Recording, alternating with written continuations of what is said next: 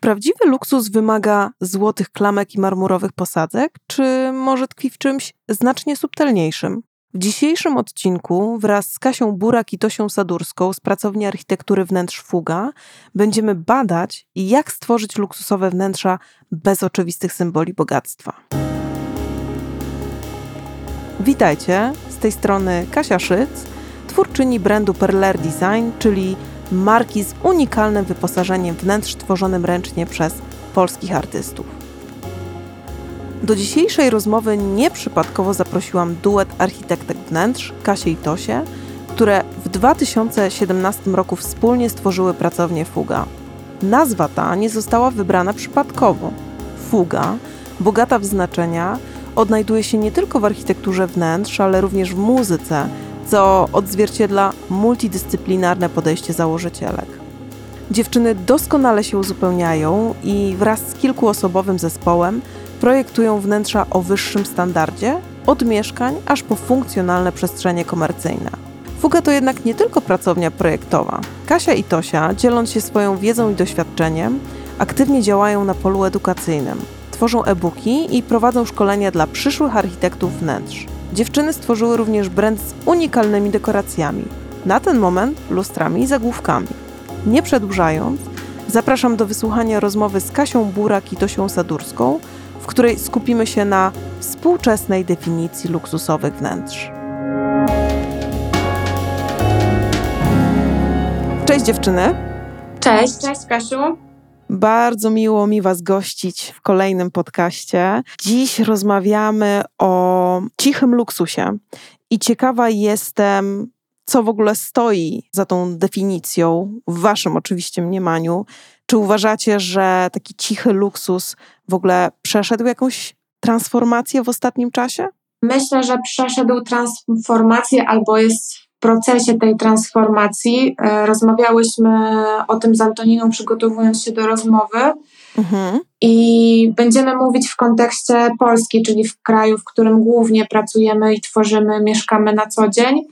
Mamy takie poczucie, że po, po ostatnich latach covidowych i wojną naszych sąsiadów, coraz bardziej zwracamy się do swojego wnętrza i nie mam tutaj na myśli tylko e, domów, wnętrz mieszkalnych, ale też e, naszej duszy, ciała, głowy. E, I tak jak luksus jeszcze parę, paręnaście lat temu, mm, w moim odczuciu w dużej mierze był często skierowany na zewnątrz, czyli pokazać się, e, zademonstrować swoje bogactwo, swoje możliwości, swój sukces zawodowy, który umożliwił stworzenie luksusowego wnętrza, czyli troszeczkę bardziej tworzenie jednak tego pod publiczkę niż dla siebie, dla swojej mhm. rodziny. Tak dzisiaj zdecydowanie widzimy odwrót w drugą stronę. Ja nie tworzę tego dla świata zewnętrznego, tylko, tylko dla siebie. To ma być moje wnętrze, ma odpowiadać moim potrzebom, ma być stworzone specjalnie dla mnie, dla moich bliskich, moich przyjaciół i w tym charakterze widzę tą największą przemianę. Też mam takie poczucie, że ten luksus przestał skupiać się wyłącznie na takich dobrach materialnych, fizycznych, widocznych na pierwszy rzut oka, a bardziej skupił się właśnie na tej indywidualizacji, na człowieku i jego potrzebach. Dokładnie. Na pewno ten drugi, e, drugi rodzaj luksusu e, równolegle też jest. Natomiast e, właśnie ta świadomość, ten indywidualizm, on gdzieś się bardzo mocno wybija Mhm. I też taka samoświadomość e, właśnie tych e, inwestorów e, luksusowych, tak, premium, bardzo tutaj dużą rolę odgrywa. A macie wrażenie, że to się trochę zmieniło w czasie COVID-u, czy to są już przemiany, które zachodziły znacznie wcześniej? One zachodziły wcześniej, natomiast um, przez zamknięcie um, w tych przestrzeniach mieszkalnych i też taką um, refleksję, autorefleksję właśnie w tych, w tych własnych wnętrzach, to na pewno e, wzmocniło. I też e, podczas, e, podczas COVID-u, podczas tych lockdownów bardzo dużo osób zwróciło się w kierunku siebie Mhm. I miało ten czas też, jakby no, czas się zatrzymał, ten pęd się, pęd się zatrzymał, czas, czas płynął, ale pęd się zatrzymał.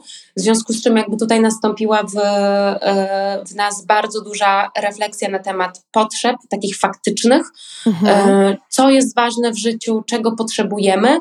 E, w związku z tym ten, ten okres pandemii na pewno to bardzo mocniej ukształtował. Okej. Okay. Ja z kolei mam poczucie, że wojna jeszcze dołożyła do tego e, taki strach i, i poczucie nietrwałości, że rzeczy mhm. materialne dzisiaj są, jutro może ich nie być, albo trzeba będzie je zostawić gdzieś za sobą. A to, w co warto inwestować, to są doświadczenia, wspomnienia, mm, emocje, które nam towarzyszą w danym mhm. czasie. Mm, tym bardziej to wpłynęło na projektowanie i kreowanie wnętrz żeby te wnętrza dawały właśnie nam możliwość przeżywania różnych rzeczy, tego, mhm. co zostanie w naszej głowie, e, a niekoniecznie mm, tworzenia samego wnętrza tylko po to, żeby ono wyglądało, ale było no, niezbyt przyjemne w użytkowaniu. To, co powiedziałaś, odnośnie strachu, lęku. Myślę, że to też ma swoje odzwierciedlenie w wyborach takich kolorystycznych, surowcach, materiałach, że my chcemy się tak ukoić, nie? I tak e, otulić mhm. takim poczuciem bezpieczeństwa i mam wrażenie, że to w ostatnich latach bardzo jest wyraźne. Zdecydowanie e, myślę, że to, co powiedziałaś, właśnie zdrowie e, i bezpieczeństwo, to też z perspektywy no, takiej geopolitycznej też jest tym luksusem, też, e, też to jest e, gdzieś ta definicja luksusu mhm. się w to mhm. wpisuje, w związku z czym no, widzę tutaj też te mocne właśnie korelacje z projektowaniem wnętrz. Nawet przed naszą rozmową wysłałyście do mnie taki draft z elementami, które właśnie z tym cichym luksusem wam się kojarzą i pojawiają się w waszej pracy i tam między innymi to zdrowie i bezpieczeństwo się pojawiło na tej liście, ale pojawiła się również oszczędność czasu. Ona w ogóle ogóle była na pierwszym miejscu i ciekawa jestem właśnie, co kryje się dla Was za tym hasłem w kontekście luksusowych wnętrz, dlaczego w ogóle postawiłyście to, że tak powiem, na piedestale, czy to może był przypadek? I jakie rozwiązania w domu uważacie za takie najbardziej efektywne w oszczędzaniu czasu i zwiększaniu komfortu życia? Ja bym tutaj zaczęła może nie od rozwiązań, ale samego procesu tworzenia swojego miejsca do życia, czyli właśnie współpraca z architektem, z zaufaną pracownią, to jest ogromna oszczędność czasu, bo tworząc takie wnętrze luksusowe, my zobowiązujemy się do współpracy nawet nie na kilka miesięcy, ale na kilka lat. Mhm. Jeżeli tworzymy dom, przestrzeń do życia od podstaw, od fundamentów, bo bardzo często wchodzimy we współpracę z architektem urbanistą, który stworzy projekt e, domu pod względem konstrukcyjnym, a my zajmiemy się wnętrzem, no to to są lata, kiedy wspólnie działamy, później ten remont realizujemy. E, I to jest ogromne zaangażowanie czasowe, koordynacja wielu wykonawców, dokonanie wielu wyborów, więc e, dzięki nam nasi klienci oszczędzają ten czas, który mogą poświęcić na, na rzeczy, w których oni są dobrzy. Tak? Te, te mhm. miejsca, gdzie oni robią karierę albo spędzają czas z rodziną, odpoczywają. Także to jest ta duża oszczędność.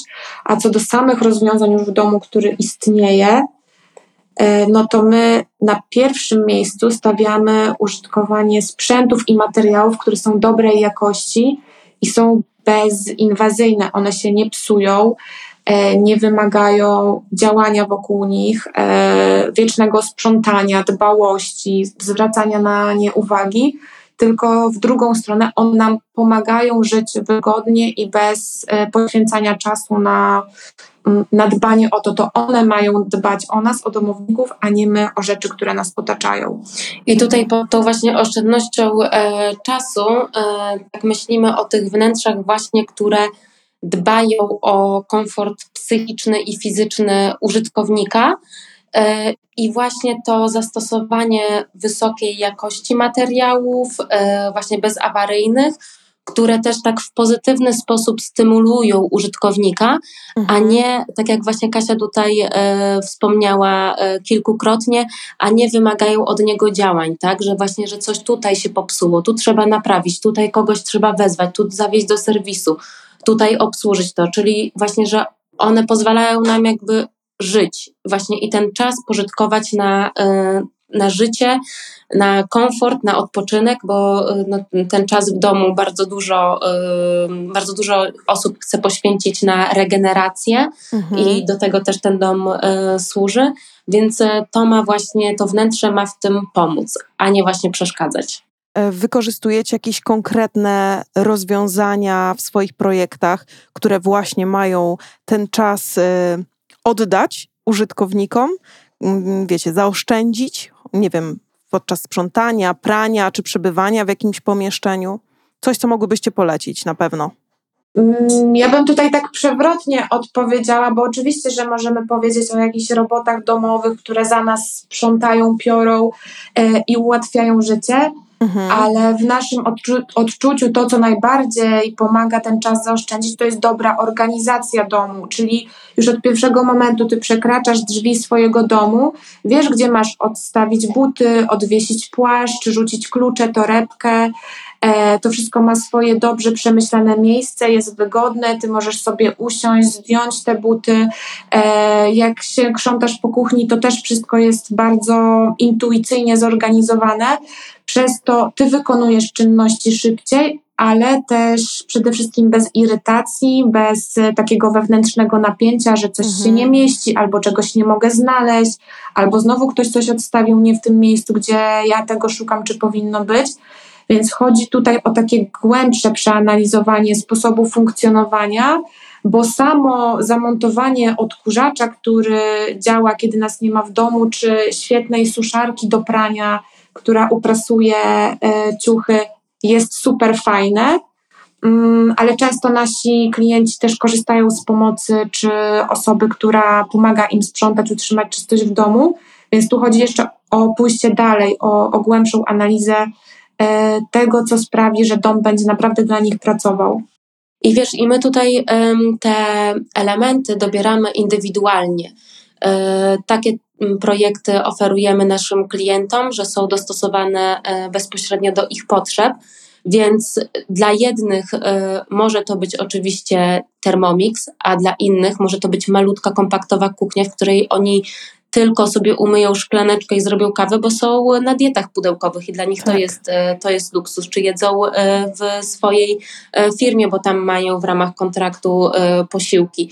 Więc tutaj te przedmioty, które ułatwiają życie, czy właśnie pozwalają zaoszczędzić ten czas, są dopasowane indywidualnie do potrzeb, czyli tutaj nie ma takiego, takiej listy rzeczy, co dla kogo będzie właśnie tym, e, tym przedmiotem, tą rzeczą. E, natomiast jakby one są indywidualnie do potrzeb po prostu użytkownika dostosowane. Też mam takie poczucie, że e, w dzisiejszych czasach czas to jest ogromny luksus i oszczędzanie go na różnych czynnościach e, no, wpływa pozytywnie po prostu na naszą psychikę. Nie? To, co wspominałyście, że już przemyślenie w ogóle całej funkcjonalności od wejścia do domu, przekroczenia progu, zobaczcie, jaką to potrafi wywołać frustrację, nie? Buty leżące nie w tym miejscu, co trzeba, potknięcie się o jakiś przedmiot, jakiś chaos, który jest wywołany właśnie złym, nie wiem, rozporządzeniem tego już na, na pierwszym etapie.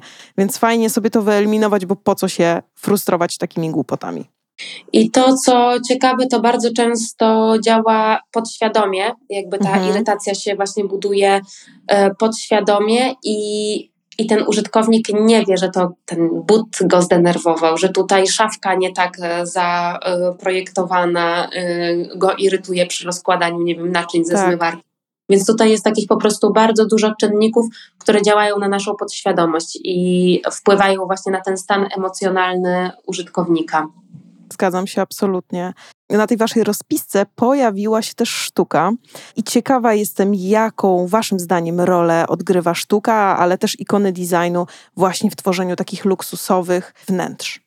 Sztuka, mm, sztuka tak naprawdę służy temu, żeby wzbudzać w nas emocje i też przywoływać emocje, o których czasami, z których nawet nie zdajemy sobie sprawy.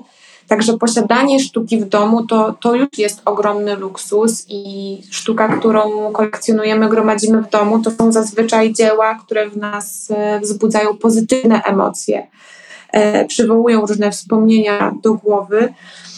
Także tu znowu trochę odniosę się do czasu, bo my we wnętrzach luksusowych staramy się budować takie sceny za pomocą właśnie dzieł sztuki, czy mebli, ikon designu, oświetlenia, mhm. dając naszym klientom możliwość y, kontemplacji, medytacji, zatrzymania się, oni w domu chcą, e, oni zazwyczaj pędzą w życiu codziennym poza domem, czyli w pracy, e, w organizacji życia codziennego, z dziećmi, ze swoimi rodzinami, ale jak już są w domu i mogą się zatrzymać, to sztuka pozwala na to w taki rozwijający, bardzo kreatywny sposób. E, czyli kiedy mamy piękną otomanę, leżankę, fotel z podnóżkiem i swoje ulubione, swój ulubiony obraz na ścianie i fajną książkę do poczytania, świeczkę o miłym zapachu, to oddziałujemy na wszystkie zmysły mhm. i pozwalamy zregenerować się naszemu klientowi. Również za pomocą tego, jakie materiały zastosowałyśmy, jaką kolorystykę, jakie oświetlenie zaprojektowałyśmy. A sztuka jest takim pięknym dopełnieniem tego, tego nastroju, który tam tworzymy. Dodatkowo nie tylko o takiej e, czystej sztuce, e, czyli obrazach, grafice, rzeźbach myślimy, ale także o ikonach designu, o fotelach, kanapach, stolikach, których formy, kształty nas pobudzają, uwrażliwiają i zaspokajają też takie potrzeby estetyczne człowieka. Mhm. I we wnętrzu właśnie ma to, w, w tych wnętrzach domowych ma to właśnie za zadanie uspokajać, ale też taką jakby harmonię w nas e, wzbudzać. Natomiast um, drugotorowo idzie e, to e, ta inwestycja. dzieło sztuki czy ikona designu będzie, wartość, wartość będzie rosła wraz z upływem czasu mhm. i tutaj to też możemy właśnie potraktować w sposób taki luksusowy, inwestycyjny. Absolutnie się z tym zgadzam. W ogóle z takim raportem Art Basel jest e, o tym, że ten rynek sztuki wykazuje ciągle taki stabilny wzrost i że w ogóle mm, sztuka postrzegana jest taki bezpieczny, taki, wiecie, sprawdzony sposób na oszczędność, a w ogóle nawet mm, zarabianie w perspektywie czasu. Także jest to bardzo fajny sposób na aktywa inwestycyjne. Tak, to na pewno. Ale też znowu odniosłabym się do e, emocji, jakie wzbudzają te ikony designu w naszym wnętrzu. Mm, siedzenie na super ergonomicznie zaprojektowanym fotelu, który e, już był testowany przez dziesiątki lat, jego jakość została wielokrotnie potwierdzona dotykanie materiałów wykończeniowych, e, skórzanej tapicerki czy, czy lampy, takiej ikony designu, które ma każdy najmniejszy detal dopracowany, to jest po mhm. prostu bardzo przyjemne i, i my to, nawet jeżeli się na tym osobiście nie znamy, to my to podświadomie doceniamy i czujemy, e, że zadbaliśmy o zadbaliśmy o siebie tak naprawdę. Dobrostan. Tak, o swój mhm. dobrostan. To są rzeczy, które cieszą nas i nasz wzrok, i zmysł dotyku, e, i często też słuchu, bo, no bo to są rzeczy, które nie wiem, nie skrzypią, nie trzeszczą. E, to jakoś czuć każdym zmysłem. Fajnie, że wspominałaś o tym dotyku, bo wiem, że często pojawiają się różne imitacje, podróbki na rynku tych takich ikon designu i w zasadzie tam jak właśnie czegoś dotkniesz, popukasz w to, postukasz, to się okazuje, że czuć, że to nie jest ten oryginał, nie? Że to nie jest przyjemne ani dla zmysłu dotyku, ani słuchu to czuć i uważam, że mm, laicy też to, też to wyczują bardzo łatwo. Mhm. Także nie polecamy zakupów absolutnie przez internet, tylko doświadczać zawsze na żywo. Też w tym waszym drafcie pojawiło się hasło indywidualizm, że to jest też w jakimś sensie synonim tego luksusu. Troszkę o tym wspominałyście, ale czy mogłybyście rozwinąć ten temat? Jak e, postrzegacie właśnie indywidualizm w kontekście utożsamiania go z luksusowym wnętrzem? Może zacznę od tego, jak, e, jakie mi skojarzenia się nasuwają, kiedy myślę o takim luksusie lat, e, nie wiem, 90. załóżmy. Myślę mhm. sobie o takiej ogromnej willi, e, która ma wszystko w sobie, jest takim po prostu pałacem z basenem, z biblioteką, z salami do e, wypoczywania, z wielką jadalnią i mam takie poczucie, że jest tam zimno, Mhm. Jest tam marmurowo, e, jest tam złoto, ja się tam nie czuję dobrze, ja się czuję tam wyobcowana. E, jestem takim człowiekiem, który, którego to, to, ta przestrzeń i ta wielkość tego wszystkiego aż przytłacza, i to nie jest jakby dla użytkownika. Tutaj myśląc o tym cichym luksusie, mam, mamy w głowie właśnie użytkownika i jego potrzeby. Tak jak wspomniałam wcześniej, że nie jestem w stanie do końca wymienić listy przedmiotów, które zaoszczędzą czas takiego domownika, to tutaj właśnie chodzi o ten indywidualizm i o to, że wnętrze jest przedłużeniem osobowości, stylu życia. W nim możemy wykonywać nasze hobby, albo może być miejscem, gdzie gromadzimy na przykład akcesoria niezbędne do wykonywania właśnie naszych ulubionych aktywności. Mhm. I to wnętrze umożliwia nam rozwój i stymuluje ale też uspokaja. I to są, to dla każdej osoby będzie to troszeczkę, e, troszeczkę czymś, e, czymś innym. I dla jednej osoby może największym pragnieniem będzie to, żeby w domu była sauna, i to w taki sposób można o tym myśleć, a dla innej osoby można myśleć, że to jest. Że to jest na przykład, nie wiem, oddzielny pokój do odrabiania dzieci, e, do, do odrabiania lekcji przez dzieci, tak. E, żeby, żeby wy, wydzielić po prostu takie strefy, e, w których w różny sposób się spędza czas.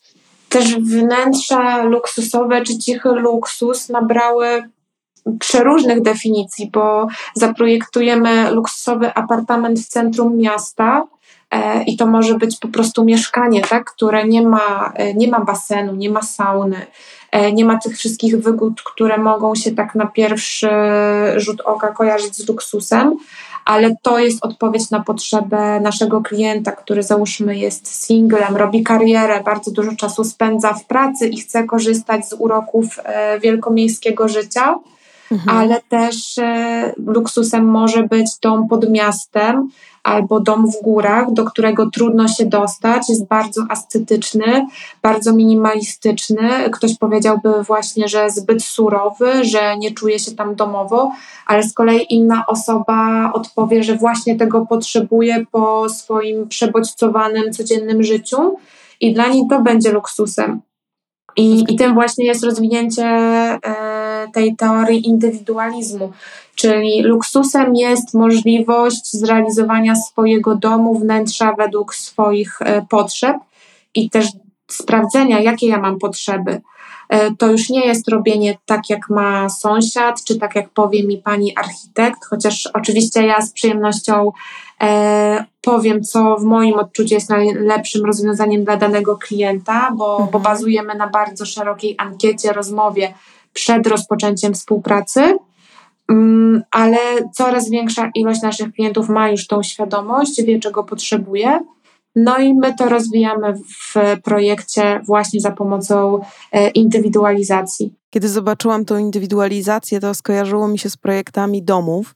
Kiedyś rozmawiałam z kolegą architektem, który powiedział, że są takie katalogi z gotowymi domami i te katalogi, mhm. generalnie jak sobie upatrzysz któryś, któryś ci się spodoba, powiesz ten, e, to one są zdecydowanie tańsze i w zakupie samego projektu i realizacji, niż te takie zindywidualizowane. I myślę, że jest podobnie właśnie z projektami wnętrz. Jeżeli architekt operuje ciągle wokół tej e, podobnej estetyki, tak, kopiuj wklej te same elementy i w zasadzie tam mało jest o indywidualizacji, a bardziej o, o stylu danego projektanta, tam faktycznie ciężko mówić o luksusie, nie? Bo pomimo, że to wnętrze będzie piękne, to ono tak naprawdę nie za bardzo odpowiada na e, potrzeby e, tej osoby konkretnie. Więc też myślę, że luksusem jest takie dobranie indywidualne, bo to jest czas, to jest czas projektanta, prawda? Wiesz co, ja też bym powiedziała, że to zależy, bo jeżeli mamy klienta, który tworzy swoją szóstą, siódmą inwestycję i mhm. załóżmy w tym momencie on wybrał architekta, który ma bardzo jasno określony styl i jego większość realizacji jest do siebie podobna, e, no to może klientowi zależy tu przede wszystkim na oszczędności czasu. On nie chce się zastanawiać, czego on tym razem chce, e, tylko stworzyć e, wnętrze totalnie oddając proces decyzyjny architektowi mhm. i wie, czego ma się spodziewać, bo widzi jego realizacje, one są do siebie podobne i to mu odpowiada. Ale to też jest moim zdaniem jeden z tych od, odłamów indywidualizmu, że świadomie podejmuję tą decyzję. Tak. To nie jest może nieruchomość, w której będę mieszkał na co dzień, tylko dom wakacyjny i i nie chcę tutaj za dużo czasu poświęcać na podejmowanie decyzji. A, a ten taki indywidualizm, gdzie bardzo wchodzimy w detale, no to myślę, że najczęściej dotyczy nieruchomości takich do życia. Okej, okay. a powiedzcie mi, jakie znaczenie ma Waszym zdaniem komfort i wygoda w kontekście nowoczesnego luksusu? Czy możecie wymienić jakieś elementy właśnie wyposażenia domu, yy, które według Was są kluczowe dla stworzenia takiej przestrzeni Mm, z maksymalnym komfortem i relaksem, ale jednocześnie prezentującym się luksusowo. E, zdecydowanie e, tym luksusem we wnętrzach właśnie e, dąży, dąży się do tego, żeby był ten komfort i wygoda. I w kontekście każdego domownika, każdego użytkownika przestrzeni, ja tu mam na myśli na przykład weźmy jakąś rodzinę z dziećmi, to ja mam i na myśli dorosłe osoby, ale w kontekście też jakby tej jednostki, nie tylko pary, i dzieci, też tutaj rozbijając po prostu na potrzeby po, pojedyncze, ale także na przykład osoby, która przyjeżdża do tego domu i nocuje, bo to też y, mamy takie y, inwestycje, że jest jakiś pokój wydzielony i tutaj dla, dla dziadków, dla kogoś przyjezdnego, żeby też było. I my też o ten komfort i wygodę tej osoby, która znajduje się w tym wnętrzu, nawet tak czasowo też mhm. musimy zadbać. Czy to są czasami um, projektujemy takie um, apartamenty czy domy, że jest pokój dla dzieci, które, um, którymi rodzice się zachowu, e, zajmują naprzemiennie. I też jakby dbamy o ich komfort holistycznie. I tutaj według nas ten dom ma za zadanie właśnie relaksować i regenerować, E, I jeśli mówimy o przedmiotach, e, to może to być świetnej jakości materac, e, ale to musi być też znowu jakby w odniesieniu do całej sypialni zaprojektowane, bo musimy o śnie myśleć też tak całościowo i na przykład pomyśleć od razu o przesłonach okiennych, o tym, żeby nie było rozpraszaczy, żebyś naprzeciwko łóżka nie miał biurka. Jakby taki cały ciąg po prostu tutaj mhm. przedmiotów i konsekwencji, które idą, e, idą za umieszczeniem ich lub nieumieszczeniem właśnie w danej przestrzeni. Więc dla niektórych na przykład będzie to stworzenie siłowni w domu, a dla innych to będzie absolutny demotywator i będzie to pociągało to, że jak będzie przechodzić obok tej siłowni, będzie myśleć, Boże, zrobiłem sobie siłownię, ale ja w niej nie ćwiczę. Więc dla niektórych to będzie to katastrofa e, posiadać takie e, miejsce, że tam jeszcze ta matka rozłożona już leży, e, hantelki są ułożone, ale generalnie jakby on był w niej dwa razy na razie tylko, a mhm. mieszka już dwa lata. No to to... To wpłynie na jego, tak, psychikę na pewno. Tak. Na pewno to, co się pojawiło od czasów pandemii, to jest duży nacisk na komfortową przestrzeń do pracy w domu i wydzielenie jej. Mhm. I to na pewno jest bardzo ważne z punktu widzenia właśnie takiej higieny, żeby ta przestrzeń nie przenikała do miejsc, gdzie my się regenerujemy i żeby nie wzbudzała właśnie też takiego poczucia powinności, że o nie, ja teraz odpoczywam, ale jeszcze to, to i to i to tego nie zrobiłem, nie zdążyłem, dzisiaj poświęciłem na coś innego czas. Więc żeby tutaj mm, było mądre zaplanowanie funkcji y, w domu. Mm, I jak myślę o takiej wygodzie i komforcie, to co wspomniałaś przed chwilą o katalogowych e, domach, że one są właśnie zrobione takie powtarzalne, to my często w architekturze wnętrz spotykamy się z przestrzeniami, czy takimi, e, no, czy domami już właśnie zakupionymi przez naszych klientów, czy e, apartamentami e, zrobionymi przez dewelopera. Mhm. I tam bardzo często to, z czym się spotykamy, to są punkty świetlne w bardzo małej ilości. Masz jeden pokój, jedna oprawa sufitowa. I tutaj też tym komfortem i wygodą w, we wnętrzach jest stworzenie scen e, świetnych, świetlnych, e, które będą współgrać z naszym takim e, zegarem biologicznym. Czyli kiedy potrzebujesz większego skupienia, bo pracujesz albo na przykład gotujesz, to działasz innym zupełnie na siebie światłem, niż w momencie, kiedy na przykład się przebudzasz albo zasypiasz. Wtedy potrzebujesz innego e, rodzaju bodźcowania właśnie tym oświetleniem i to też dla nas jest bardzo ważne właśnie w tych wnętrzach e, dobrze zaprojektowanych e, czy luksusowych, żeby stwarzać takie możliwości właśnie kolejnego oddziaływania na człowieka nie tylko fakturami, teksturami, materiałami, ale również oświetleniem. Zgadzam się absolutnie, odsyłam do dwóch podcastów na ten temat. E, tam rozwinęliśmy z naszymi gośćmi temat oświetlenia we wnętrzu, jak istotny jest, jak go dobrze zaprojektować, żeby faktycznie mieć komfort i takie poczucie, nie wiem jak to nazwać, wygody we wnętrzu. Także fajnie, że o tym wspominasz. Jeszcze macie coś tutaj do dodania do, do, w kontekście tego punktu? Ja mogłabym dodać, że nasz dom i wnętrze mm, w dzisiejszych czasach też zaczyna nas dosyć mocno definiować w grupach społecznych konkretnych. Mhm. E, I też jak rozmawiałyśmy o tym z Antoniną, mm, to jest taka forma, żeby też e, może podnieść swoją pewność siebie albo nabrać takiego poczucia, że, że mam swoje miejsce na ziemi i to też moim zdaniem jest o komforcie, o wygodzie. E, Im bardziej my jesteśmy tacy rozwinięci w swojej osobowości, w swoim stylu życia i mamy coraz więcej potwierdzeń w swoim życiu na to, że to, co robimy, ma sens, że to jest dobre, że to nam poprawia nastrój, że to nam pozwala być e, bardziej zrelaksowanymi ludźmi, czyli co za tym idzie, ludźmi lepszymi dla innych, tak? dla naszych współpracowników, naszych partnerów życiowych. Mm, I, I taki dom nam to w dużej mierze umożliwia, więc to jest już taka bardzo ideologiczna e, definicja komfortu, ale myślę, że, że istotna w kontekście wnętrz luksusowych, gdzie powinnyśmy o tym myśleć e, i naszych klientów uświadamiać i dać im możliwość, oczywiście w oparciu o nasze doświadczenie i wiedzę, mm, siebie rozwijać w ten sposób. Zgadzam się absolutnie, że dom jest naszym przedłużeniem, ale dom też wpływa na nas i na późniejsze relacje i nasze zachowania gdzieś tam w tak. przestrzeni. Mhm. Troszkę już o tym wspominałyśmy przy okazji, ale powiedzcie mi, e, jak Waszym zdaniem wybór materiału, e, materiałów wykończeniowych wpisuje się właśnie w koncepcję e, luksusu we wnętrzach? Materiały wykończeniowe i koncepcja luksusu to jest, myślę, że kilka czynników. Po pierwsze, dbałość o zdrowie E, wybieranie naturalnych materiałów, które nie emitują żadnych szkodliwych substancji, no to jest podstawa do tego, żeby w ogóle zaczynać rozmowę o luksusie mm, i dbałości o nas nie tylko dzisiaj, ale w perspektywie dziesiątek kolejnych lat. Także świadomy wybór. Jak e, weryfikujecie właśnie, co jest szkodliwe, a co sprzyja człowiekowi? Czy macie jakąś taką listę, czy w ogóle orientując się na temat jakiegoś materiału, e, który chcecie zastosować we wnętrzu, czytacie wtedy i, i sprawdzacie te dane?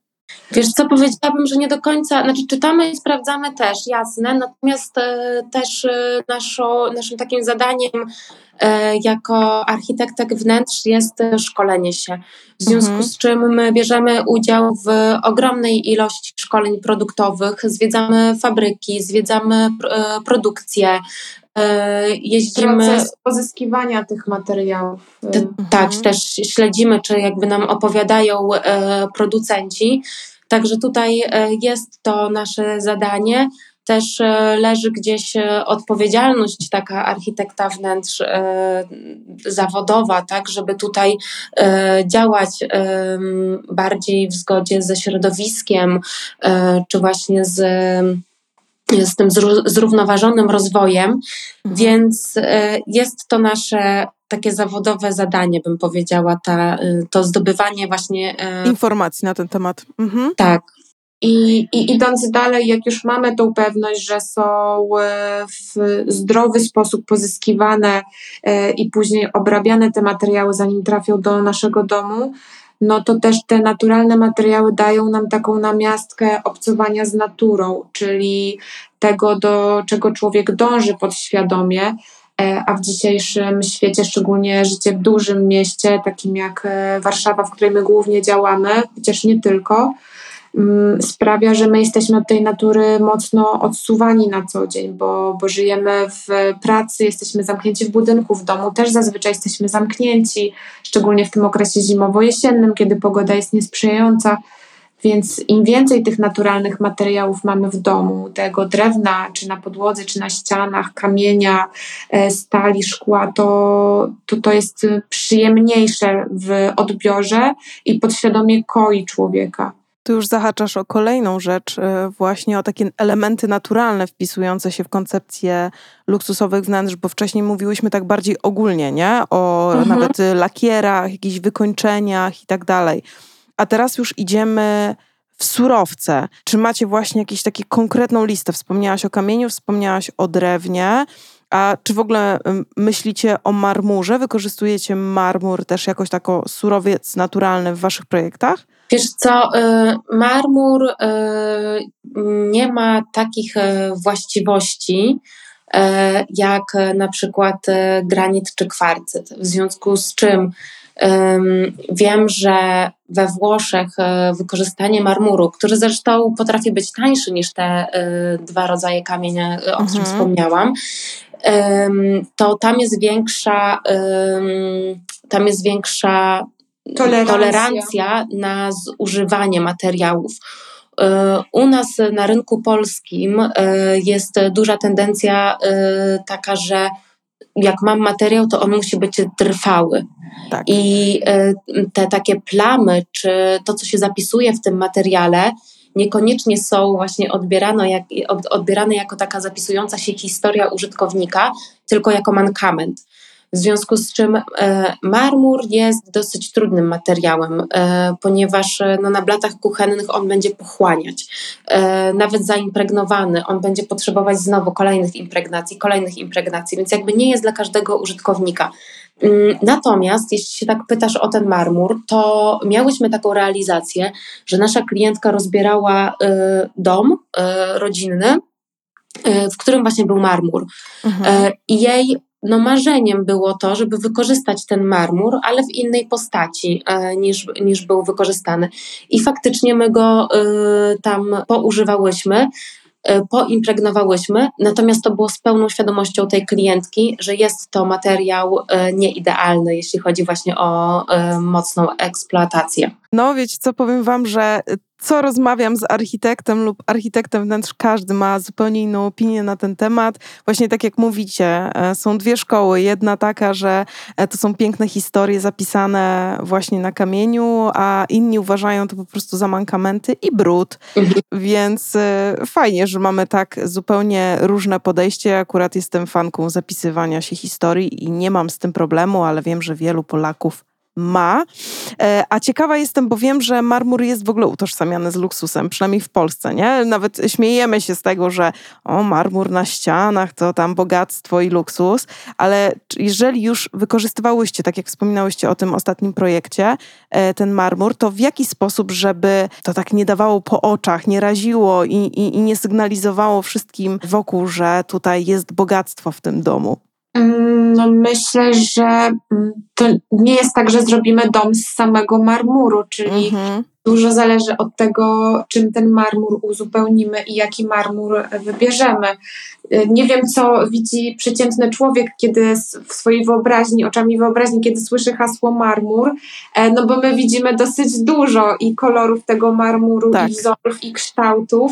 E, I dla nas to nie jest tylko biały kamień z szarą żyłą, e, ale naprawdę szeroka paleta i wachlarz możliwości. Mhm. Także marmur potrafi mieć, nadać przeróżny charakter we wnętrzu. Może być e, ciepły i dosyć ciemny i taki i soczysty, na przykład z czerwienią, tak jak popularny, popularna kalakata viola, która teraz jest e, bardzo w trendzie a może być właśnie bardziej taki surowy i dystyngowany, jak ten nasz e, marmur biały z e, szarą żyłą. Mhm. Mm, także wszystko zależy od tego, jak my to połączymy z innymi elementami, gdzie ten marmur zastosujemy, e, jaki on finalnie nada charakter we wnętrzu. Okej. Okay. A jakie jeszcze surowce wykorzystujecie w swoich projektach, żeby właśnie ten taki element luksusu wprowadzić do wnętrz? Macie jeszcze coś prócz tego drewna i kamienia? Mm, no, pewno naturalne tkaniny i generalnie tkaniny i dekoracje właśnie takie tekstylne mhm. to jest element luksusu we wnętrzach, bo bardzo często, gdzie mamy budżet ograniczony, to, to, za, to już brakuje na ten element tego budżetu, bo jest to, to rzecz, bez której powiedzmy możemy się obyć na, w pierwszej fazie po przeprowadzce. Natomiast przy, przy wnętrzach luksusowych i, i współpracach takich e, wysokobudżetowych, no to my od razu o tym myślimy holistycznie i staramy się, żeby ta tkanina we wnętrzu właśnie budowała nastrój, poprawiała akustykę wnętrza, i żeby były to naturalne zasłony, firany, e, wykładziny, e, żeby to było miłe też, kiedy właśnie bosą stopą rano wstajemy, możemy dotknąć takiej mięciutkiej mm, wykładziny czy dywanu w sypialni. To są no, niepowtarzalne wrażenia, takie sensualne. I myślę, że to jest bardzo ważny punkt, i, i wiele osób jest zdziwionych też, jak kosztowny jest to punkt w całym procesie. Tak surowce naturalne są bardzo drogie. Wspominałyśmy już też trochę wcześniej o ekologii i o tym, że ona jest już takim nieodłącznym elementem taki współczesnego luksusu we wnętrzach. E, I ciekawa jestem, jakie macie propozycje, czy jakie wykorzystujecie rozwiązania we wnętrzach, które właśnie to wprowadzenie ekologii do wnętrz e, pozwala na nie. To jest e, też, e, to, to jest też o producentach, e, których, których proponujemy naszym inwestorom. Tak? Jeśli polityka danej firmy właśnie jest taka, że myśli o tym zrównoważonym o zrównoważonym produkcie, myśli o tym, z czego on jest wykonywany, później jaka jest jego utylizacja albo ile w czasie się rozkłada, to tutaj e, w tych, te produkty luksusowe powinny to e, mieć e, wpisane w siebie. Mhm. I to jest też właśnie jakby ta nasza, nasza rola tutaj architekta wnętrz, żeby klienta uświadamiać też za co on płaci. Także to nie jest tylko produkt, tylko to też jest jakby ten, to co, skąd on jest co się z nim potem dzieje, jako, jaki on ma wpływ na to środowisko. I też jest to, y, też jest to tym luksusem właśnie y, we wnętrzu. Ta świadomość y, materiałów, kosztów pochodzenia, odnawialności, renowacji ich. Czyli cały proces przedstawiamy klientowi, skąd pochodzi produkt, który znajdzie się finalnie w jego domu, jak on będzie sprawował się w domu, jak będzie można o niego zadbać, czy będzie łatwy, czy trudny w utrzymaniu czystości, jak często trzeba będzie go impregnować, a na koniec co z nim się stanie, kiedy będzie potrzeba, żeby to zutylizować, zmienić na nowe. Czy to jest produkt, który będzie się rozkładał przez tysiąc lat? Czy to jest naturalny materiał, który łatwo jesteśmy w stanie wykorzystać jeszcze raz albo zutylizować? Czyli cała ta ścieżka jest bardzo ważna w procesie dbania o ekologię. Mm, no i też dbałość, to co Tosia powiedziała o dostawcach, no to staramy się wybierać produkty lokalnie. Nawet e, teraz na świeżo jesteśmy po wizycie w fabryce pięknych desek podłogowych z naturalnego drewna e, na Podlasiu, niedaleko, niedaleko tutaj Warszawy. E, no i wiemy, że to jest produkt, który na każdy, w każdym aspekcie zaspokoi oczekiwania naszych klientów, właśnie mm, klientów premium czy klientów którzy chcą e, tworzyć wnętrze luksusowe. Myślę, że to jest jeden aspekt takiego ekologicznego podejścia do wnętrz, ale e, są też takie mm, rozwiązania, które pozwalają na mm, ekologię na co dzień, nie? Na przykład, nie wiem, segregację śmieci, czy tam mhm. oczyszczanie wody i tak dalej. Czy tutaj macie jakieś takie swoje sprawdzone technologie, które polecacie wielu klientom, bo wiecie, że mm, to jest dosyć uniwersalne rozwiązanie? To przede wszystkim skupiamy się na oszczędności e, wody, prądu e, i tego wszystkiego, czego potrzebujemy do wygodnego życia. I to są takie rzeczy jak na przykład miska WC, czyli miska toaletowa, która w taki sposób spuszczamy wodę, że zużywamy jedną trzecią standardowego spłukiwania.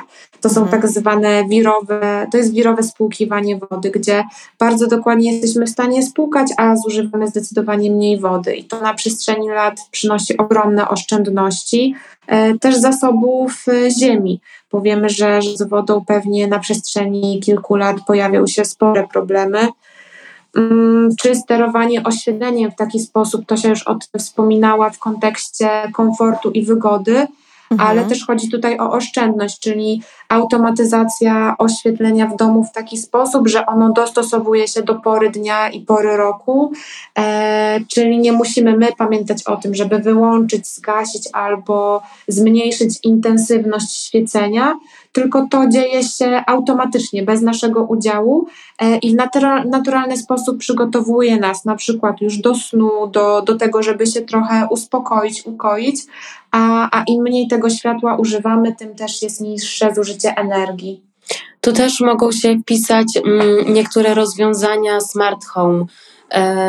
Jak z Kasią rozmawiałyśmy przed, przed naszą rozmową, e, to też e, myślałyśmy o tym, o ogrzewaniu mhm. i o tym, jakie teraz są możliwości właśnie sterowania ogrzewaniem, kiedy nas nie ma w domu, a za pomocą właśnie zdalną możemy tuż przed przyjazdem do domu sobie powolutku nagrzać przestrzeń, tak, albo ją też E, wygasić, kiedy nas nie ma, a zapomnimy o tym, e, to ogrzewanie. Więc tutaj e, też te technologie smart home też się wpisują właśnie w, w ten temat. Okej. Okay. Jeżeli mhm. też powierzchnia nam na to pozwala, no to zdarzało nam się stosować odzyskiwanie czy wykorzystanie szarej wody, czyli na przykład taka woda, którą mamy po praniu czy zmywaniu naczyń, jest wykorzystywana załóżmy do spłukiwania toalety. Także jest sporo na to systemów, ale one zazwyczaj wymagają e, większej przestrzeni, przeznaczenia na to specjalnego pomieszczenia. No ale to mhm. jest możliwe przy, przy takim e, luksusowym metrażu, nazwijmy to. Okej, okay, a czy to są kosztowne rozwiązania? Choćby ta szara woda, o której wspominałaś? No jest to inwestycja, która się zwraca, ale są dosyć kosztowne z reguły. Ale to też zależy od, konkretnie od rozwiązania, od pojemności, od systemu. Mhm. Także my to indywidualnie staramy się dostosowywać do budżetu i sprawdzać, czy to jest, e, czy to jest możliwe w danym budżecie dla danego klienta. Mhm. E, też rozmawiałyśmy chwilę wcześniej o funkcjonalności i że ona w zasadzie też może być tym synonimem luksusu we wnętrzach. I ciekawa jestem, jakie aspekty ergonomii, funkcjonalności przestrzeni właśnie uważacie za te niezbędne do stworzenia wnętrza luksusowego.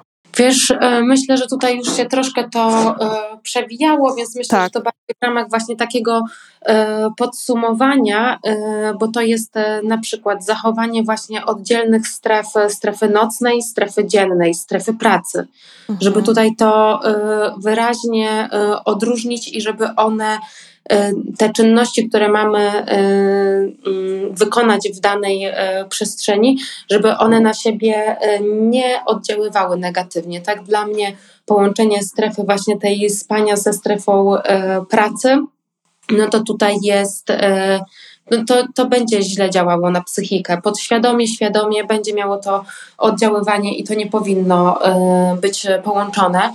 Mhm. To jest właśnie to zadbanie o indywidualność e, użytkownika przestrzeni i na różne potrzeby. Czyli e, wzięcie pod aspekt tego, że każdy potrzebuje pewnego rodzaju izolacji, wyciszenia, separacji i takiej intymności w domu. Czy to jest dziecko, czy to jest dorosły, czy to jest przyjezdny, żeby każdy miał taką swoją przestrzeń na odpoczynek i regenerację. To jest na pewno właśnie ta organizacja przestrzeni, o której tutaj wspominałyśmy już od wejścia tak. E, do domu, przez kuchnię e, funkcjonalną, przez e, pomieszczenie gospodarcze, takie rzeczy, które nie do końca chce się wydzielać z, z przestrzeni, ale są konieczne, e, żeby tutaj wszystko było w, w porządku, miało swoje miejsce i przedmioty, których na co dzień nie używamy, żeby gdzieś tam nie były w tych e, strefach e, dziennych, z których z kolei korzystamy na co dzień. To Także... jest też o takiej analizie y, ścieżek domowników, y, ich upodobań, czego potrzebują, żeby to było faktycznie odpowiadające im potrzebom, a nie robione na bazie takich sztampowych, gotowych schematów z mhm. podręcznika do projektowania ergonomii, że tutaj powinno być 120 cm między elementem A a B e, a tam z kolei 70, bo po pierwsze są różne gabaryty człowieka, e, różne jego upodobania i to on ma e, się w tym czuć komfortowo, a nie tworzymy jakiś powtarzalny wzorzec, który być może jest dobrym rozwiązaniem, kiedy tworzymy miejsce do użytkowania dziesiątek osób, jakieś miejsce publiczne, ale niekoniecznie sprawdzi się w domu, szczególnie w takim domu luksusowym. Mhm. Myślę, że może być jakimś punktem wyjścia, jakąś taką, wiecie, przedziałem, nie? W którym, na mhm. którym działamy, bo jeżeli większości ludzi taki przedział odpowiada, to być może i to, tobie, kliencie, będzie odpowiadał, ale zdaję sobie sprawę z tego, że to musi być dostosowane mm, do jego indywidualnych potrzeb. Ale wiecie, tu mi się taka lampka zapaliła, bo wspominałyście o tym, że mm, jesteście przeciwne łączeniu sypialni z miejscem do pracy z oczywistych powodów, ale zdarza się, że ktoś mieszka na mhm. Metrażu i musi pogodzić różne funkcje, na przykład w jednej przestrzeni. I ciekawa jestem, jakie w swoich projektach e, znajdujecie rozwiązania na to, żeby na przykład właśnie ten wasz klient nie widział e, podczas relaksowania się na sofie miejsca do pracy? Czy, czy są jakieś takie e, fajne patenty, które mogłyby zapewnić właśnie ten komfort? Wiesz co, to jest y, chociażby o tym, w jaki sposób będzie ustawione to biurko. Y, po pierwsze, w stosunku do okna, żeby było dobrze doświetlone, kiedy to światło dzienne jest, a po drugie, żeby na przykład biurko nie było przodem do kanapy czy do łóżka, czyli ja przez te 8 godzin średnio pracy patrzę na łóżko, którego na przykład rano nie chciało mi się posłać, tak? Czy jakoś mhm. ogarnąć po, e, po przebudzeniu. Więc nawet samo ustawienie tego w taki sposób, że to się dzieje za moimi plecami, ja tego nie widzę, to w przypadku małej przestrzeni to już jest e, moim zdaniem przemyślane działanie a też w takich ograniczonych budżetach, małych przestrzeniach bardzo często posiłkowałyśmy się na przykład e, ciekawą kotarą czy zasłoną. To nie jest drogie rozwiązanie, jeżeli nie mówimy tutaj o tkaninach naturalnych, a daje bardzo duże możliwości aranżacyjne i strefowania wnętrza, podzielenia wnętrza na różne funkcjonalności. Także to, tak. to możemy podpowiedzieć jako taki fajny tip. Ale też e, czasami, tak jeśli mamy taką wytyczną, to też udaje nam się wygospodarować jakąś przestrzeń zamkniętą E, w ramach e, powierzchni całego e, mieszkania, więc tutaj też to, to zależy po prostu jakby od takiej indywidualnej analizy danej powierzchni przestrzeni. Więc mhm. jest na to dużo na pewno rozwiązań. Mm, też no pytanie, czy to jest praca codzienna, czy to jest praca raz na jakiś czas. Natomiast też tak jak o tym wspomniałaś, sobie pomyślałam o tych wielofunkcyjnych takich mikrokawalerkach, które w którymś momencie tak. wpłynęły e, na rynek no gdzieś tam wydaje mi się, że to się jednak nie do końca sprawdziło właśnie z, z, z, mhm. takiego powodu, że jednak ten człowiek potrzebuje zmiany przestrzeni i funkcjonowania właśnie w różnych przestrzeniach w zależności od wykonywanej czynności i od intensywności danej czynności, czy to ma być relaks, czy to ma być praca, czy to ma być skupienie i tak dalej, więc jakby tutaj tak czuję, że jednak, jednak. Poddajesz to pod wątpliwość. No tak, ale zdarza się, że niestety innego wyjścia nie ma. I tutaj mogę odesłać do YouTube'owego konta Never Too Small, to się chyba nazywa. E, mhm. I tam przedstawiane są właśnie często takie mikrokawalerki, które mają świetne patenty i rozwiązania. Mm, już tak kończąc powolutku, to w zasadzie jest trochę moja działka, bo i o rzemiośle, i o takich artystycznych rzeczach w kontekście luksusu.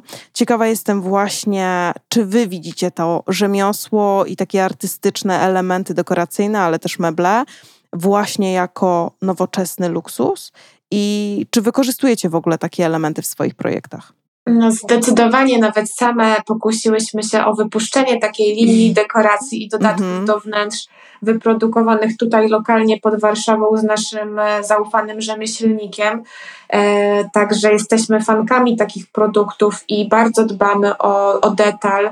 E, I też wierzymy w to, że w takich przedmiotach wyprodukowanych ręcznie no jest zupełnie inna energia zamknięta, zaklęta niż w takiej masowej produkcji, gdzie każdy może sobie zamówić szafkę czy mebel E, i jest takich produktów tysiące na świecie, no to tu mamy coś unikatowego, niepowtarzalnego, no i wykonanego z dużą świadomością, wiedzą. Często to jest wiedza przekazywana z pokolenia na pokolenie, Może być tak, że, że już za parę lat takiego produktu nikt nie będzie mógł dostać, bo, bo nie będzie osób, które potrafiłyby go wykonać.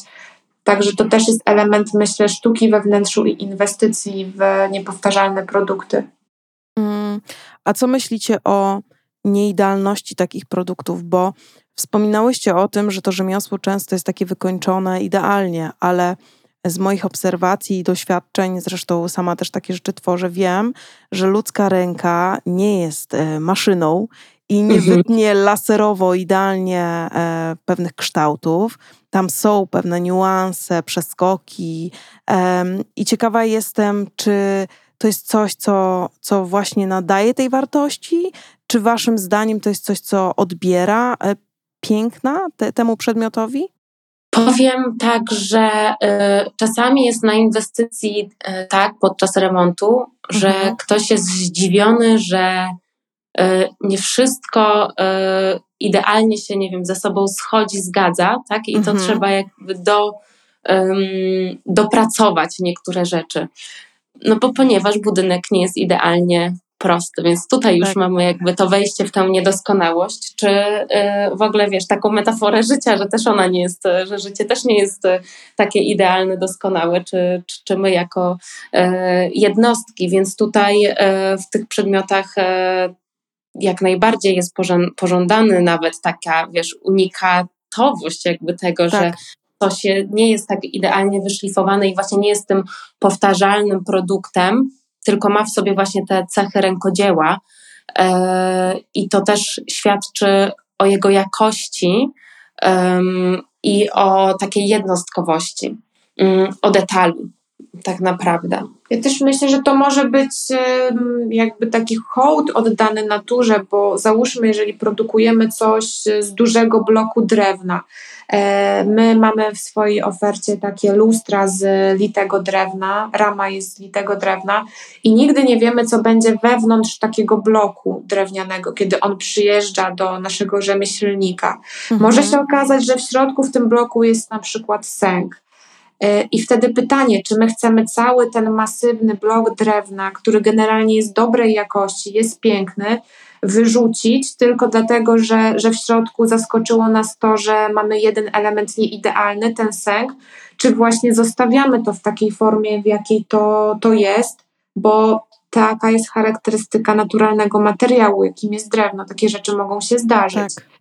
No i my jesteśmy oczywiście za tym, żeby to zostawić bo no, mamy duży szacunek do naturalnych materiałów. Wiemy, że dosyć mocno planetę eksploatujemy w dzisiejszych czasach e, i absolutnie nie traktujemy tego w kategorii mm, wady tego produktu. Mam podobne podejście i też e, pracując z Jasmonitem z kolei wiem, że tam się dzieją różne ciekawe rzeczy. On bywa kapryśny w zależności mhm. od temperatury pomieszczenia, czy w ogóle narzędzia, którym się go nakłada i on potrafi robić różne cuda. Raz wychodzi taki wzór e, wyraźny, inny, innym razem mniej wyraźny i tak jak mówicie, wyrzucanie tego byłoby po prostu um, jakimś absurdem, bo to właśnie to sprawia, że ten produkt jest unikalny i, i odróżnia się od tych masowo produkowanych e, przedmiotów.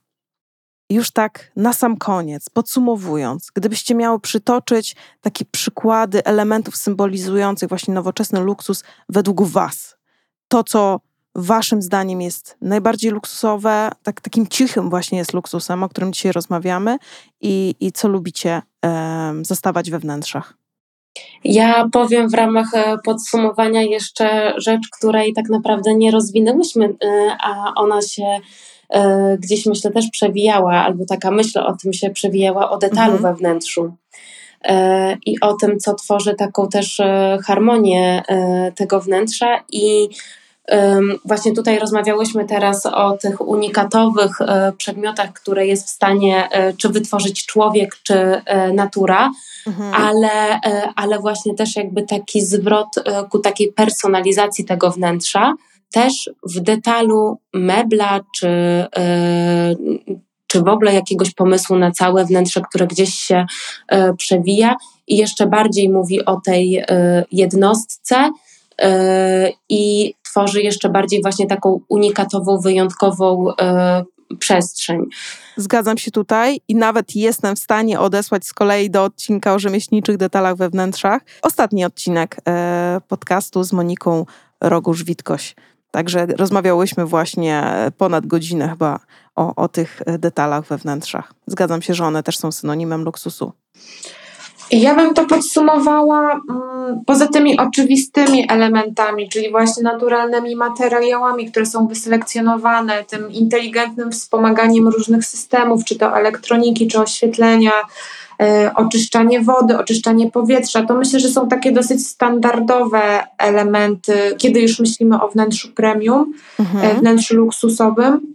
Mm, ale w moim odczuciu ta definicja jest spełniona, kiedy Y, użytkownik takiego wnętrza czuje spokój korzystając ze swojego domu i czuje takie duże wspomaganie swojego stylu życia, czyli wszystko ma swoje miejsce, jest dobrze zorganizowane, jest odpowiednia przestrzeń, czyli też mm, no myślę, że to nie są małe wnętrza, e, to, to nie jest e, ten kierunek i ten, i ten podcast. Mhm e, tylko mam przestrzeń na relaks, na skupienie, na pracę, na odpoczynek. Każdy domownik ma, ma swoją, e, swój mały świat w tym wnętrzu i to jest dla mnie spełnienie tej definicji.